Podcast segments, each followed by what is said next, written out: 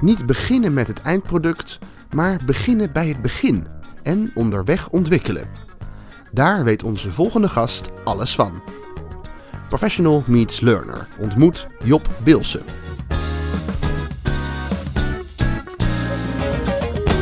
Job, welkom. Wat leuk dat je er bent. Hi. Wat is volgens jou het grootste voordeel van uh, ontwikkelen on the run? Nou, het grootste voordeel is dat um, ik denk dat je nooit helemaal zeker kunt zijn aan het begin uh, wat je aan het eind nodig hebt. Dus op het moment dat je ontwikkelt um, en je gaat eigenlijk een beetje de traditionele uh, tour op. Dus je gaat eerst bedenken wat je gaat maken, je gaat het volgens maken. Um, dat duurt heel lang. En uh, als je tijdens het ontwikkelen kunt testen en sneller kunt itereren, dan kom je uiteindelijk sneller tot een, tot een werkbaar product of een, of een goede oplossing of iets wat past ook echt bij je doelgroep. Terwijl als je van tevoren echt iets gaat zitten bedenken, um, daar een heel lang traject aan vastkoppelt en, um, en ook een groot deel van je ontwikkelbudget aan spendeert, hou je heel weinig tijd en geld over om, om nog van koers te wijzigen. Ja. En dat is vaak heel erg zonde. Ja, terwijl niemand in de toekomst kan kijken ook. Nee, precies. En je ziet ook dat ontwikkelingen in organisaties steeds sneller gaan. Dus je ziet dat um, um, wijzigingen steeds sneller doorgevoerd moeten worden. Uh, maar ook dat er andere generaties binnenkomen in een organisatie, waardoor je ja, op een andere manier hun zult moeten aanspreken.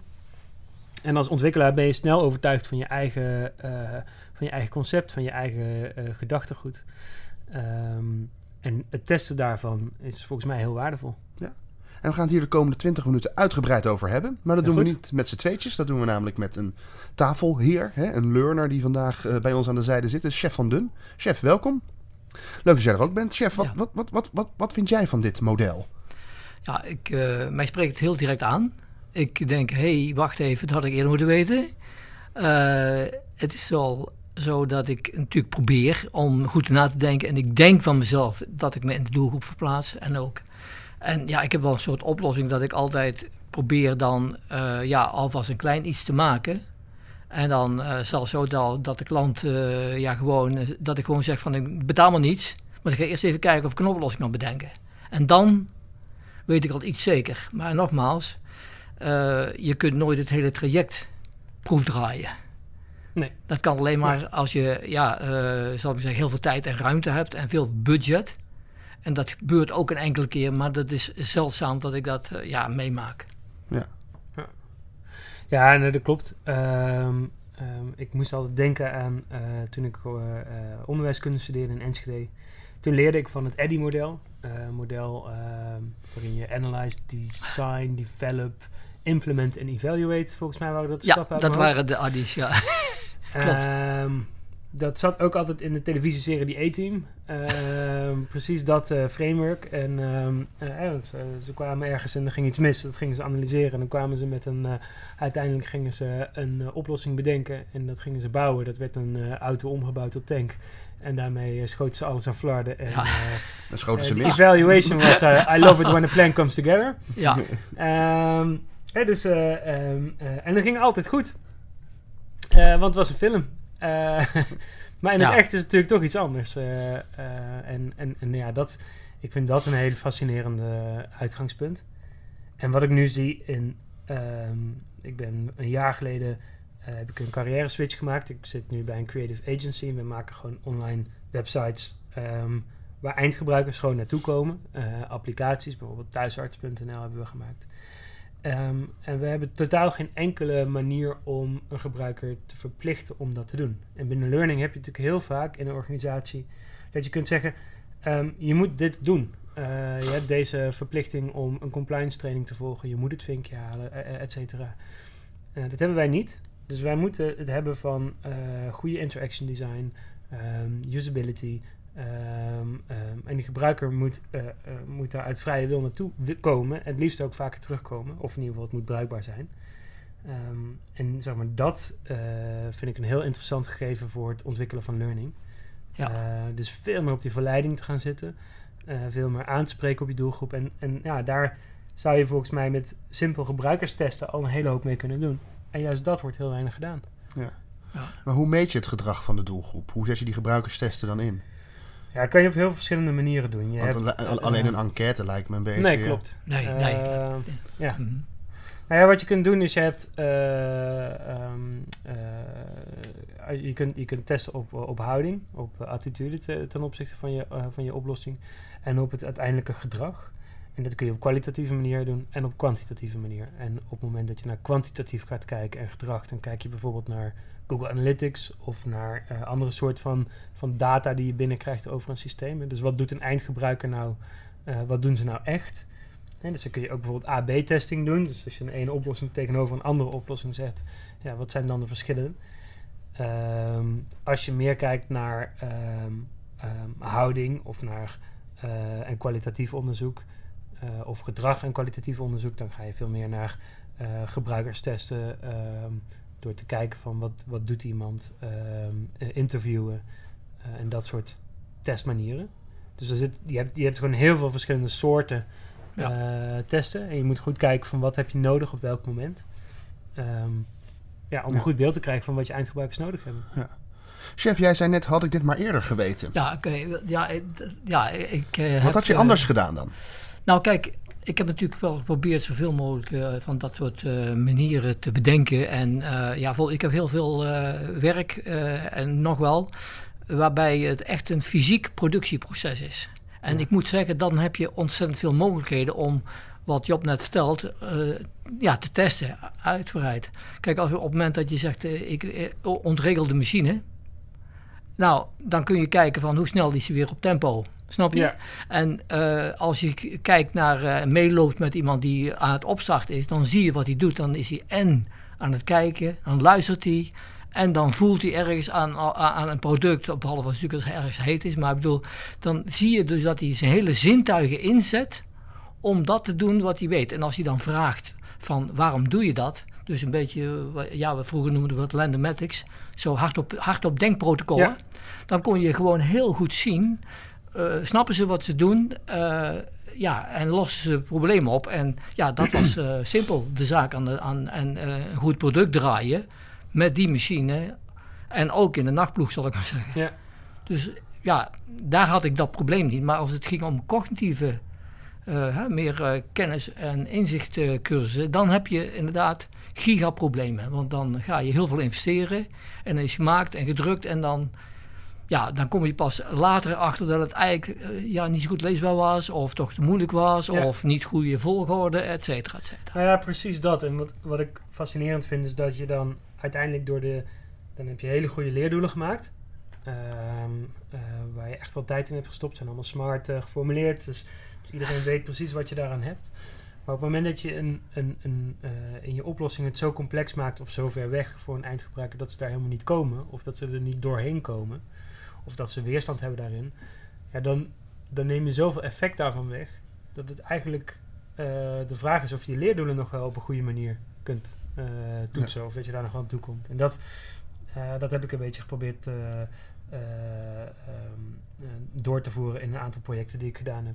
Dus bijvoorbeeld ja. bij KLM, waarin we um, um, juist op een hele iteratieve manier zijn gaan kijken van wat we nu als idee hebben hoe kunnen we dat nou zo simpel mogelijk testen? Of het idee wat we, uh, wat we hebben bedacht, of dat ook werkt.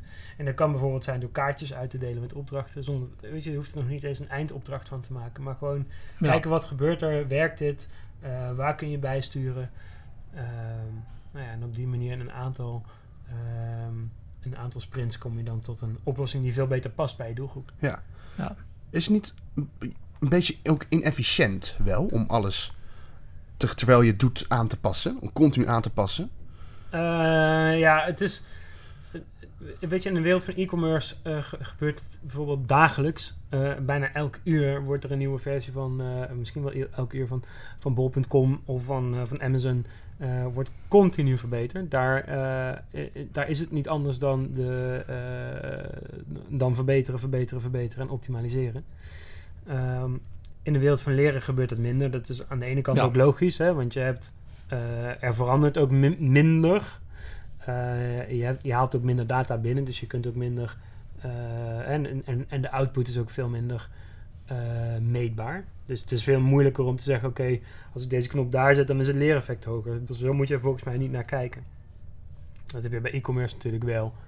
Ehm, waar je wel naar kunt kijken is: sluit het aan bij mijn doelgroep en, ehm, en werkt het idee wat ik heb, werkt dat? En mhm. ehm, ook over tijd. een training die je vandaag maakt, is die over een jaar nog steeds houdbaar? Is dat nog, is dat nog een zinvolle training? Mhm. Is die nog uh, up-to-date? En ja, ook daarin kun je, als je, als je bijvoorbeeld met, met uh, Lean Startup werkt, kun je vrij uh, goed, of agile ontwikkeld, kun je vrij goed wel een soort stabiel product hebben. Maar dat je toch steeds aanpast naar nieuwe wensen, nieuwe inzichten die je hebt. En volgens mij is dat juist efficiënter. Dan hoef je minder weg te gooien. Dan als je steeds opnieuw iets bouwt wat 100% mhm. is, het net niet voldoet en dan weer opnieuw begint. Ja, maar de klant denkt toch vaak van je levert iets en dat is klaar en dat is goed. Klopt. Ja. Zo, en dan, uh, ja. dan zijn we even goede vrienden. Ja, nee, zeker. En het, je ziet dat ook wel in, uh, als je naar vacatures kijkt. Um, wat, ik, wat ik wel fascinerend vind, is dat je, als je kijkt naar, naar online, en eigenlijk alles buiten learning, gaat het heel erg naar product owners toe. Um, agile coaches, mensen die in het continue proces instappen. Uh, en product owner werkt vanuit een backlog. En die backlog is natuurlijk nooit af. Er komen altijd nieuwe wensen. Binnen learning heb je nog steeds de projectmanager die, uh, die werkt. En die heeft als doel het project af te ronden. Binnen budget en zo snel mogelijk. Um, en dus ook die, die indeling van rollen um, binnen learning en development. Ja, die, lo die lopen ook daar nog wat in achter. En ik, je ziet steeds meer product owners komen. Zeker bij de, bij de bedrijven die ook echt op dat agile-matige werk uh, zijn overgestapt. Maar dat vraagt nog wel een, uh, een, grote verandering, denk ik, de komende tijd. Ja, want ik heb ook begrepen dat bedrijven ook nogal wel huiverig zijn om dit te gaan doen. Ja. Waarom? Ja. Nou ja, inderdaad, wat Chef ook zegt. Um, je, je, wil, je wil betalen voor een, voor een, een afproduct. Hè, dus, dus je Ehm, als je echt puur agile zou werken, dan, uh, dan betaal je eigenlijk voor de tijd die iemand stopt in het maken van een oplossing en niet zozeer in het eindproduct. En dan zeg je van ja, weet je, de weg er naartoe, uh, daar betalen we je voor. En uh, het is eigenlijk nooit af. Dus het is een soort eindeloos project zou het kunnen zijn, theoretisch. Ik denk dat je dan ook kunt kijken naar, goed, wat levert je dan op als je eindeloos ontwikkelt. Hè? Dus misschien ja, ja. kan je die kant ook anders belichten. Maar ik denk dat dat natuurlijk bij, bij learning and development is dat wel een... Uh, ja, dat is, dat is wel iets waar je... Uh, mm. waar we nog het evangelie te vertellen hebben. Ja, ja. Maar ik kan me ook indenken dat een grote organisatie zegt van... nou, dan heb ik die e-learning expertise... in dat ontwikkelteam als ja, in mijn eigen organisatie. Ja. Want dan, heeft hij, dan kan hij continu aan, aan de gang houden. Is dat ja. een ontwikkeling of zo? Of is het juist... Ja, je ziet dat wel. Um, je, ziet ook wel uh, bijvoorbeeld nu die ontwikkeling naar learning experience platforms, uh, die, die veel meer zitten op een gebruiker moet veel makkelijker content kunnen vinden. Ah, dus je stopt minder content in een uh, echt in een, een, in een soort hulsje in de e-learning module ver weg in een learning management systeem, maar je maakt een platform waar de content veel dichter tegen de oppervlakte ligt, waardoor je veel makkelijker gewoon met een zoekfunctie. Is dat een soort adaptief leren dan? ja, hij, hij, krijgt wat hij nodig heeft op dat moment. Precies, ja. Oh dus ja, ja, ik, kende dat, ik kende dat niet. Maar ja, terwijl vroeger had je natuurlijk gewoon e-learning modules waar dingen in zitten, maar dan kun je niet in zoeken vanaf een uh, afstandje. Uh, dat, dat soort dingen, de openheid. Uh, dus je ziet wel dat dat open aan het breken is, denk ik. Um, mm Maar het blijft wel uh, dat op het moment dat je inderdaad een, een, een bureau krijgt, denk ik nog steeds vaak de vraag van wij willen uh, een e-learning module over ehm, veiligheid. En dan, weet je, en deze leerdoelen moeten erin gedekt zijn. Um, en ja, mag niet meer dan dit kosten. En ja, dan, dan bouw je natuurlijk dat. Alleen de vraag is heel erg van, ja, wat los je daarmee op? Dus gaat, haal je daar ook echt effect werken, mee? Ja.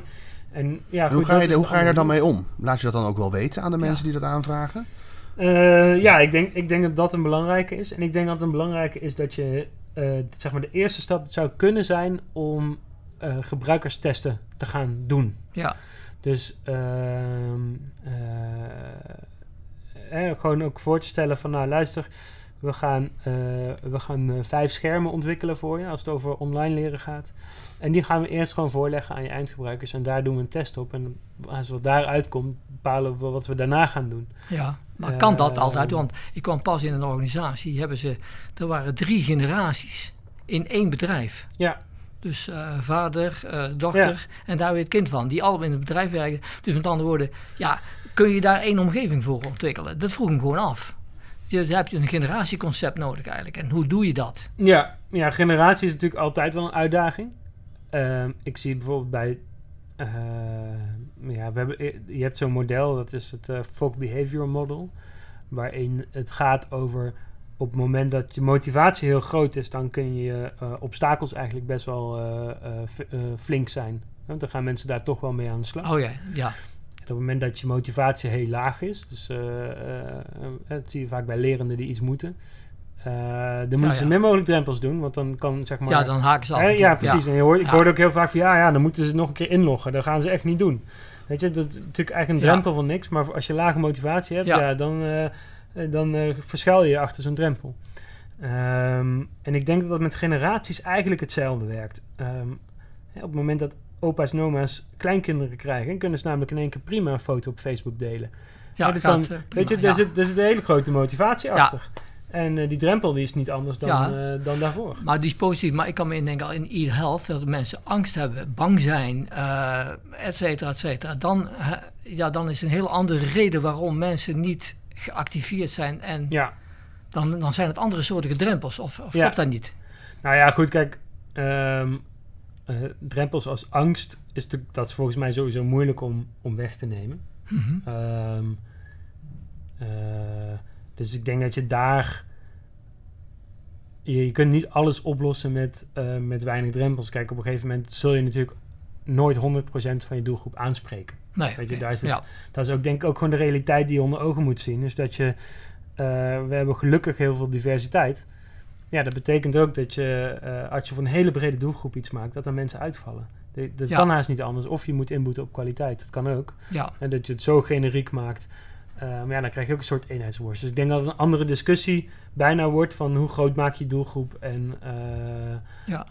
um, neemt volgens mij niks af aan, aan het feit dat je, ongeacht die doelgroep, nee, maar dat zou je door iteratief ontwikkelen, ja. wel steeds beter in de gaten krijgt wat er wel werkt en niet werkt. Ja. Ook bij een grote doelgroep. Ja, oké. Okay. Maar je hebt dus echt technologie-generaties, zal ik maar zeggen. Ja, dat klopt. Ja, ja dus dat... niet iedereen zal alles kunnen. Dat, dan zal je toen nee. moeten zeggen. Maar dan kan je ook tegen de klant zeggen natuurlijk van... hé, hey, ja. dat en dat kun je wel overbruggen, dat niet. Ja, dan, dan... ja maar dan krijg je de, de, de generatiediscussie. En dat is volgens mij een andere, uh, een ander obstakel dan of je iets maakt waar je doelgoed op zit te wachten. Ja, dus, oké. Okay. Als je uitgaat van je doelgroep is uh, een bepaalde generatie. Dan moet je daarvoor ontwikkelen. Ja, ja dan moet je dan, dat is al een beslissing die je al genomen hebt eerder. Ja, ja. precies. Ja, ja oké, okay, snap ik. Ja. Zijn, ja. Als we nog heel even teruggaan naar wat, wat, wat, wat jij net schets, schetste, Job. Um, je had het over van uh, je kunt beter inderdaad dan uh, doelgroepanalyses doen eigenlijk. Hè? Vijf versies maken en die laten testen. Ja, hoe reageren de mensen dan die de opdracht hebben gegeven? Zeggen die van ja, maar daar hebben we geen geld en tijd voor. Of, of helemaal geen zin in. Ja, ik denk, ik denk dat wat je, in het, wat je eerst zag altijd is dat um, evalueren aan het eind weinig zin heeft, omdat het geld dan op is. Dus je kunt dan wel uh, evalueren. Maar er kunnen eigenlijk maar twee dingen uitkomen. Of je hebt het goed gedaan, nou, dan uh, had je ook net zo goed niet kunnen evalueren. Of er komen toch verbeterpunten uit, maar als je daar geen budget meer voor hebt, ja, wat ga je daar dan mee doen? Sta je ook stil. Ja. Dus eh, de, de, zeg maar, de, een, een, eerlijke evaluatie kan dan best pijnlijk zijn. Um, ja, ik denk dat als je nu kijkt, als je eerder gaat testen en eerder ontwikkelt. Uh, sorry, ik ben je vraag even kwijt. Uh, nou, hoe, hoe, de andere hoe de andere partij dan reageert, die eerst überhaupt komt met de vraag van... Ja. Joh, wil je gewoon dit maken? En jij zegt van, nou, we willen eerst vijf doelgroepen-analyses doen. Nou ja, wat je vaak ziet is denk ik dat ze toch wel um, blij zijn dat je hun doelgroep ook serieus neemt. En het hoeft ook niet zo heel complex te zijn om te testen. Dus je, weet je, testen klinkt altijd alsof van, joh, ik heb een heel UX-lab nodig met eye-tracking en uh, et cetera. Je hebt, um, je hebt partijtjes die je kunt inhuren om testen te doen.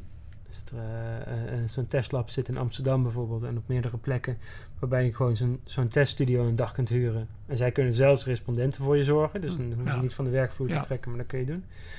Um, er zijn uh, een aantal online tooltjes die je kunt gebruiken om, om tests uit te voeren. Waarbij je gewoon precies kan zien wat de gebruiker doet. En uh, met, met de video, je selfie-camera, kan, je dan, kan je dan zelfs meekijken naar iemand. Het hoeft niet zo moeilijk te zijn. Het hoeft dus. allemaal niet zo complex te zijn. Het gaat er meer om de mindset dat je test dat en dat je ja. uitgaat van dat je er wel eens naast kunt zitten. En dat je eigen aannames en ja, niet zomaar uh, de aannames zijn die, die uh, ook valide zijn. Ja. En dat is volgens mij een, uh, een interessant Ja, dat is een sterk punt. Dat, ja. ja. van build to test. Ik denk dat dat, ja...